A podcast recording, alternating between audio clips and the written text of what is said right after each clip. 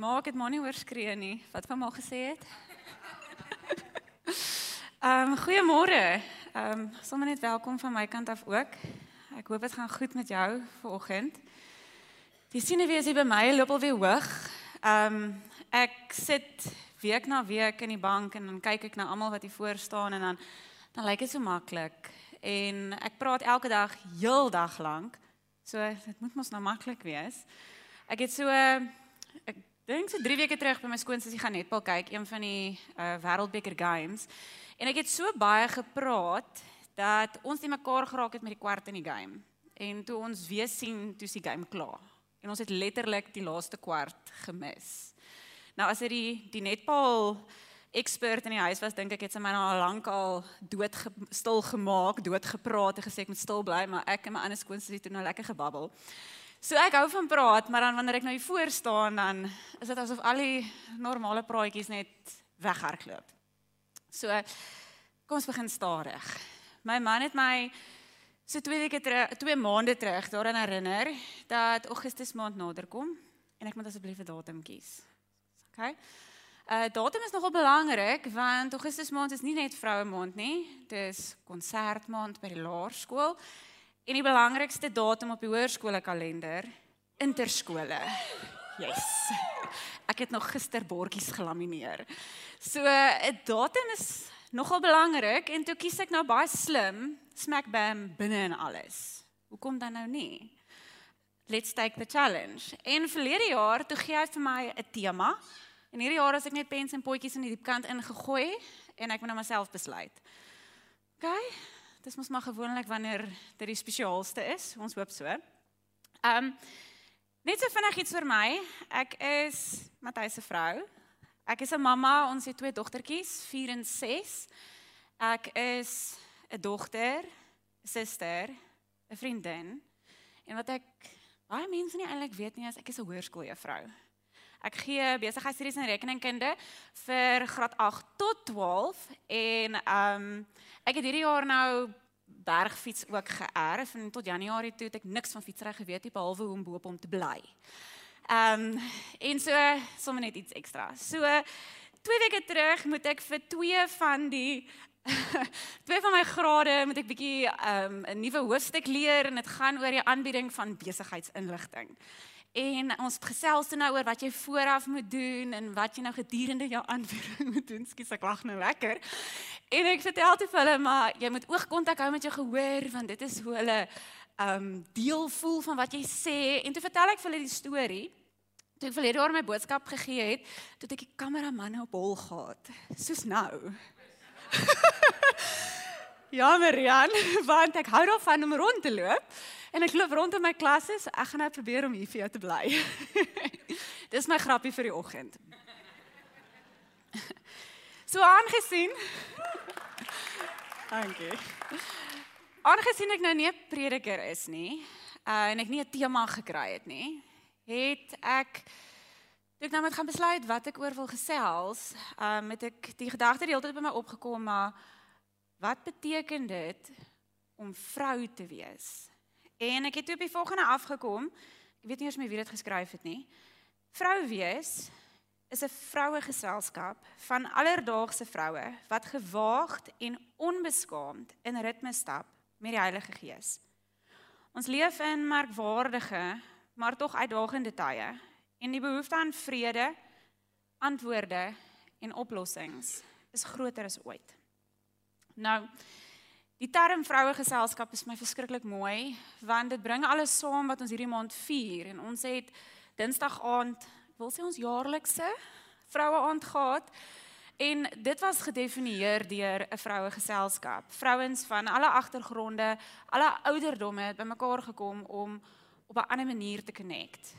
En of jy nou 16, 18, 21, 30 40 of ouer is, in elke fase van jou lewe is daar uitdagings.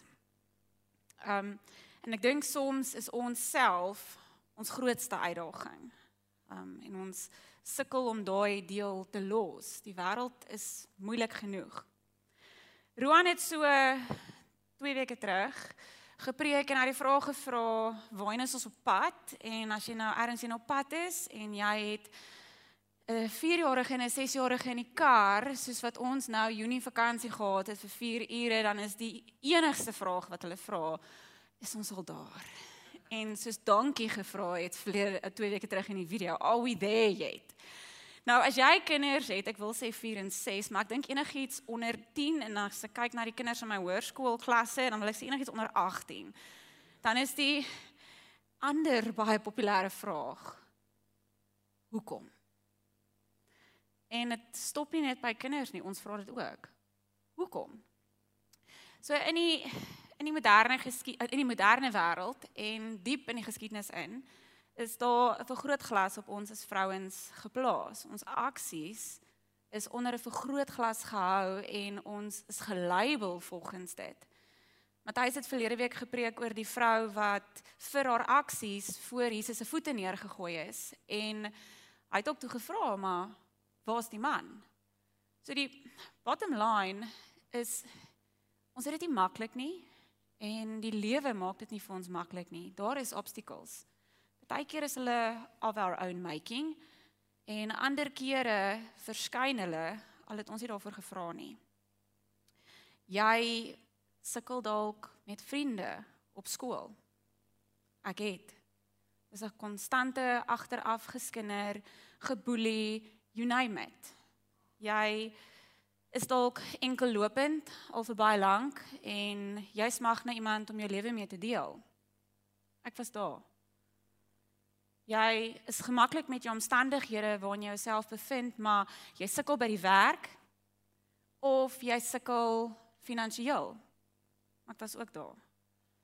Jy struggle dalk met siekte of jouself of iemand naby jou. Ek was daar. Jy is dalk enkel loper of 'n enkel ouer. Dis taaf. Of jy dalk iemand onlangs in die dood afgestaan. En dan kan ons nie help om te vra nie. Here, hoekom? Ek is vandag hier omdat ek 'n geleerde is nie. Um ek wil graag my take op die topik van hoekom met jou deel. Ons het al baie antwoorde in die kerk gehoor en dit laat ons nie noodwendig altyd beter voel nie. Um ek het 'n rukkie terug 'n stukkie gelees en is asof daar vir my 'n lig aangegaan het. Um ek wil dit graag vir julle lees vandag. Maar voordat ek dit lees, um net so agtergrond konteks rondom dit. So in rekeningkunde is daar 'n sekere hoofstuk wat ek vir die kinders moet verduidelik en die maklikste om dit te doen is met 'n visuele prentjie. En vir die laaste 12 jaar, Augustus maand, wanneer ons hierdie hoofstuk behandel, dan skep ek vir hulle hierdie prentjie van om koek te bak. Dit werk net maklik want ek moet finansiële terme aan die bestanddele koppel en die hele proses deurvat. So dan verstaan hulle dit bietjie makliker en koekbak het ek het net vandat ek begin het was dit koekbak, dalk omdat dit een van my gunsteling stokperdjies is. So toe ek nou 2 weke terug hierdie lees, het dit my regtig geïnspireer um ek dink tot vandag se boodskap. En dit sê Imagine we go to the store to buy all the ingredients we need to make a cake. But then we feel too tired to mix it all together.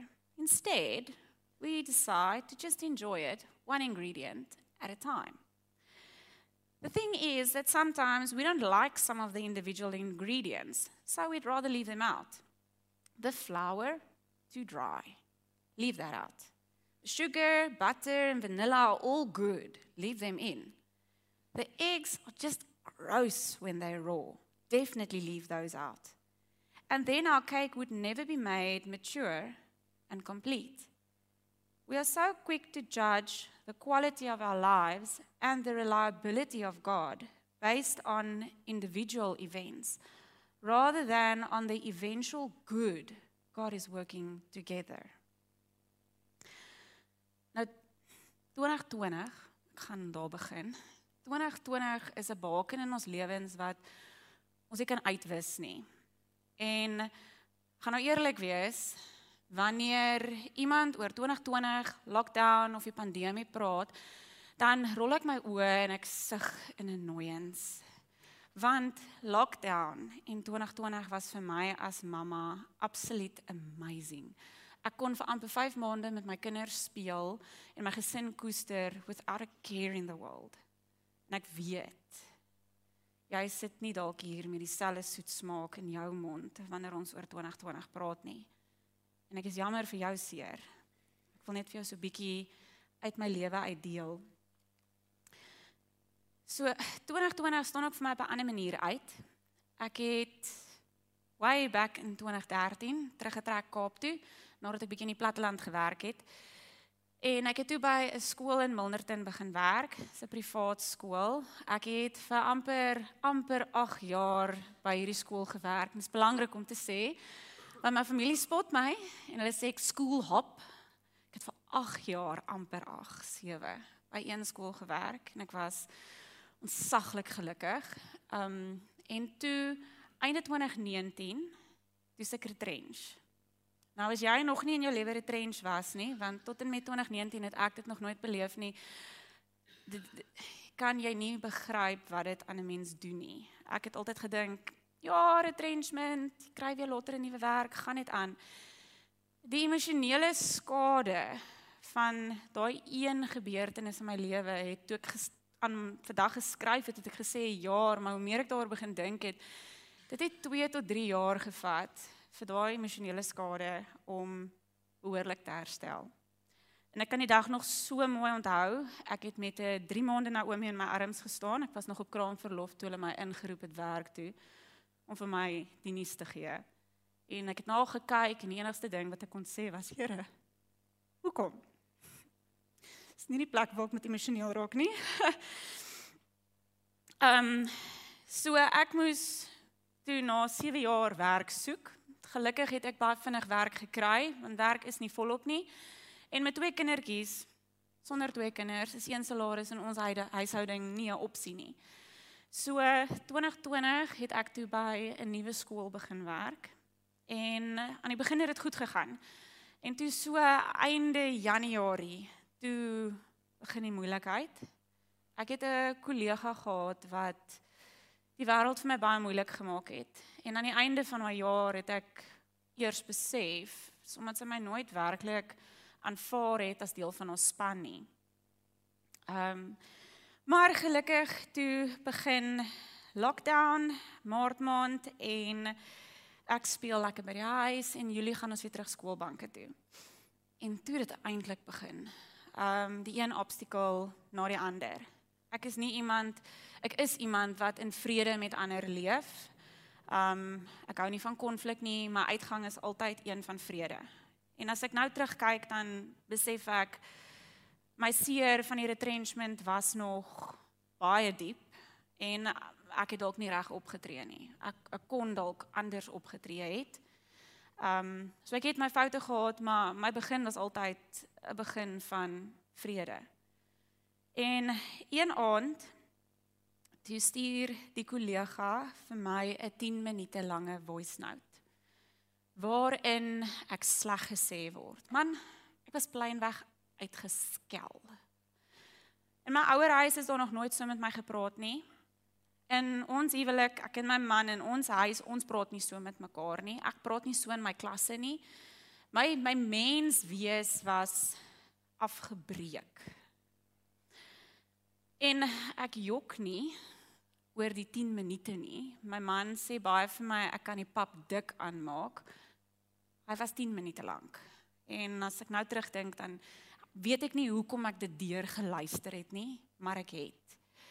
En Ek het in 'n full-blown panic attack ingegaan. Ons praat gister daaroor. Ek het nog net twee keer in my lewe 'n panic attack gehad. Toe ek 3 jaar was op universiteit voor my finale rek eksamen en ek's vandag rek juffrou. en daai aand. Ehm um, ek was heeltemal verlam en hysteries. En ek sal daai aand nooit vergeet nie. Ek het dubbeld gevou oor die toilet gelê. Ek was te paralyzed om op te staan. En Matthys het in die kamer gestaan met 'n skreeuende Naomi in sy arms, want sy het haar mamma gesoek en haar melk. Ek het op daai stadium nog voel aan geborsvoed. En daai magteloosheid in daai oomblik van ek kan nie daar wees vir my babietjie nie. Was is iets wat ek nou nog so met my dra. En um ek het ook op daai oomblik vir myself gesê niemand gaan my ooit weer so laat voel nie. Nou vir my my trauma is 'n 10 minute lange voice note. Joune is dalk 'n WhatsApp kindergroepie op skool. Ek het nou die dag uitgevind die goed bestaan. Of 'n terminale siekte. Jy moet jou eie prentjie inkleer. Oeh, so dit was 2020. Net so klein bietjie terug voor dit. Um ek moes toe nou toe ek in 2019 retrench was van die werk aansoek doen. Nou om bietjie te vertel van waar ek toe in my lewe staan. Ek het vir 7 jaar by 'n plek gewerk waar ek onsaglik gelukkig was. Um my pa verwys daarna en sê Millie, jy het met jou agterend in die botter geval. Ek dink ek het in die botter geswem. Dit was amazing. Ek was in 'n gemaksone en ek dink nie ek sou ooit 'n skuif gemaak het nie. Um ek het nie gedink dat die Here vir my iets beter het nie. Vandag gesit 'n werk loopafstand van my huis af. So ek is toe nou gedruk om aansoek te doen vir werk. En ek het op daai stadium vir twee tipes poste aansoek gedoen. Ek het vir 'n normale onderwyser aansoek gedoen, maar ek het ook vir 'n spesifieke tipe bevorderingspos aansoek gedoen, want ek het in 2015 my laaste kwalifikasies gekry vir dit en dis my visie vir myself. Ek wil graag opbeweeg. So ek het begin aansoek doen vir die poste saam met die normales en al het ek nou in 2020 werk gekry, het ek nooit ophou aansoek doen nie. Ek het ontelbare hoeveelheid aansoeke weggestuur en in die 4 jaar het ek seker vir so 5 onderhoude gegaan. Hulle was nie almal by dieselfde skool nie. Maar ek het ek is April maand hierdie jaar in so 'n pos aangestel. En as ek nou terugkyk, dan is ek doodseker met 'n volle sekerheid binne my dat ek sou nooit een van daai poste gekry het as dit nie was vir 2020 nie. As dit nie was vir daai aand nie. Want deur dit het die Here my begin shape en laat groei en ontwikkel in die mens wat ek is vandag en die onderwyser wat ek is vandag. Binne in dit was my vraag die heeltyd: Here, hoekom? Maar as ek vandag terugkyk, is ek so dankbaar vir die meel en die eiers wat deel vorm van my unieke koek. En ek is dankbaar vir daai kollega wat my nie aanvaar het nie, wat 'n bydrae het tot my groei en ontwikkeling as mens. En ek wil graag vir julle 1 Korintiërs 7 vers 17 lees. And don't be wishing you were someplace else or with someone else. Where you are right now is God's place for you live and obey, love and believe right there. God, not your marital status, not your job, not your friends, defines your life. So wat ek eintlik vra voorstel is dat ons net hoop na ons situasies kyk en nie vra hoekom nie. Jy het dalk 'n storie wat vir jou kan hoop gee in jou donker tye. En as jy nie het nie, dan is daar vriendinne rondom jou wie se storie vir jou kan hoop gee in jou donker tye. Ek het ehm um, 2 weke terug my koekbak storie met 'n vriendin gedeel wat haarself in 'n donker tyd bevind het en saam met dit was dit vir my so amazing. Ek ek het nie met haar gesimpatiseer nie ek het wel met haar geëmpatiseer want ek is 'n rukkie terug deur presies dieselfde ding waarmee sy nou sukkel. En ons is baie keer skaam as vrouens om vulnerable te wees voor mekaar. My seer en my hoekom is dalk nie jou seer en jou hoekom nie. Myne is dalk baie afgewater teenoor joune. Maar ek wil jou graag weer herinner aan 1 Korintiërs 7 vers 17. God het 'n roeping op jou lewe En hy lei ons elkeen op ons eie pad. En jy mag dalk vandag voel maar jou situasie is te donker en te diep en jou lewe is nie veel werd nie, maar God kyk met verwondering en liefde na jou. Ecclesiastes 3 vers 11 om by dit aan te las sê he has made everything beautiful in its time.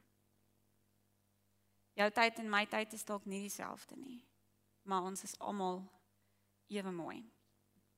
'n Goeie vriendin kom jy agter 'n belangrike vroue geselskap is. 'n Goeie vriendin vertel vir my nou die dag dat sy seker maak haar eerste koppie koffie in die oggend is die lekkerste van haar hele dag want sy drink dit terwyl sy tyd saam met God spandeer. Ek het hier in 'n kerkbank gesit en sy my dit vertel het. So jy wat soveel weghardloop as die diens klaar is, moet dalk bly sit sodat 'n vriendin inspraak in jou lewe kan hê. So terwyl sy dit nou vir my vertel, het ek daar gesit en met skok vir myself gevra, "Millie, saam met wie drink jy jou eerste koppie koffie in die oggend?" Social media. En ek het sedertdien daadwerklik 'n poging aangewend om my eerste koppie koffie saam met God te geniet. Want wanneer daai stemmetjies so 6:30 in die gang afdwarrel, mamma Dan sit verby. Dit is stoomroller van begin tot einde, worsmasjien, ons prop alles in. Maar het wel die oggend. So ek wil jou graag uitdaag om jou eerste koppie koffie saam met ons eerste liefde te geniet. Dawid sê dit so mooi in Psalm 63. You God, oh my God, earnestly I seek you. I thirst for you. My whole being longs for you in a dry and parched land where there is no water. As vrou, as mamma, as vriendin, het ek nodig dat God direk inspraak het in my lewe voordat ek in iemand anders se lewe kan inspraak maak.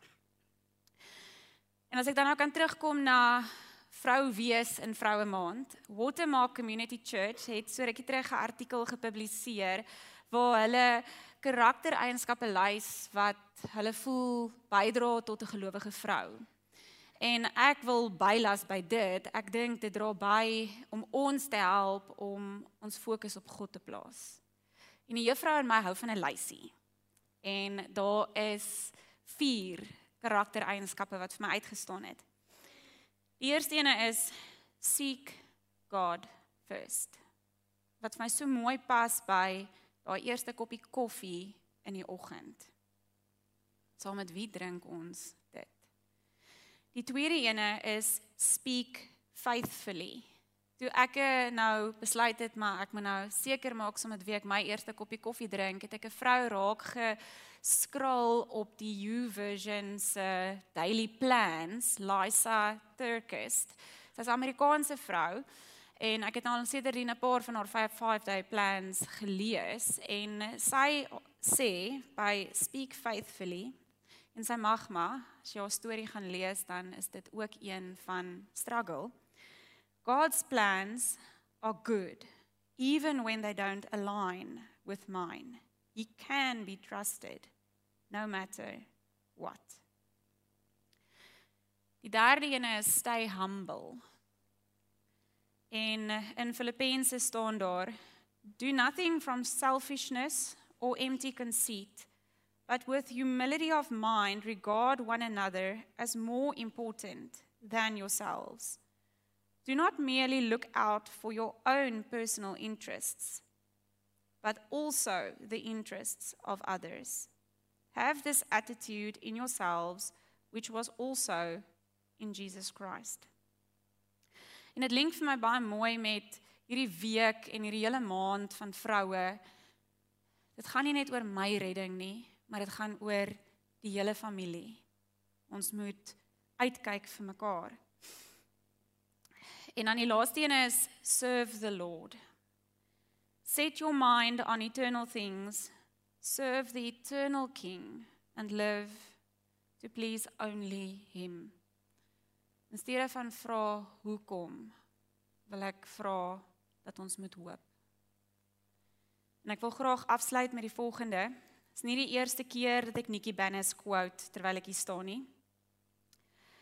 It's it's okay this year hasn't gone how you thought it would. It's okay if this year brought valleys you weren't prepared for or mountains that were tougher than you expected. It's okay if this year you had to grow in ways you didn't think you would have to. It's okay if things look different than you thought they would by now. My beautiful friend, I hope that Jesus' is perfect peace washes over your precious soul and reminds him, uh, reminds you that his plans are good. His promises are good. I pray that his love touches every part of your being and reminds you that even here, wherever that may be for you, God is holding you in his loving hands. And that that is the best and surest place to be.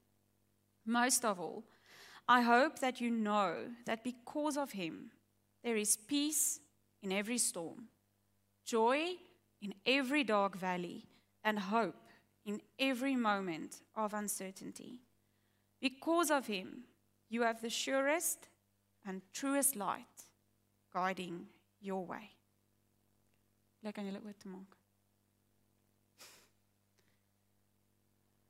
Vader, ons vra baie hoekom. En ons sukkel baie keer om te hoop. Maar ek wil graag vra dat U daai lig wat U skyn binne in ons sal wakker maak. Dat wanneer ons sien dat iemand anders nie meer kan hier, dat ons hulle lig sal wees, dat ons hulle sal help hoop en vertrou op U. Want U is goed. U planne is goed. En U kyk met net liefde en omgee na ons. Ek wil vra dat U ons sal help en ons pad vir ons sal lig. Dat daar waar ons regtig nie meer kan hier dat ons sal vashou aan die enigste the surest thing we've got en dit is U. Bid dit in Jesus se naam. Amen.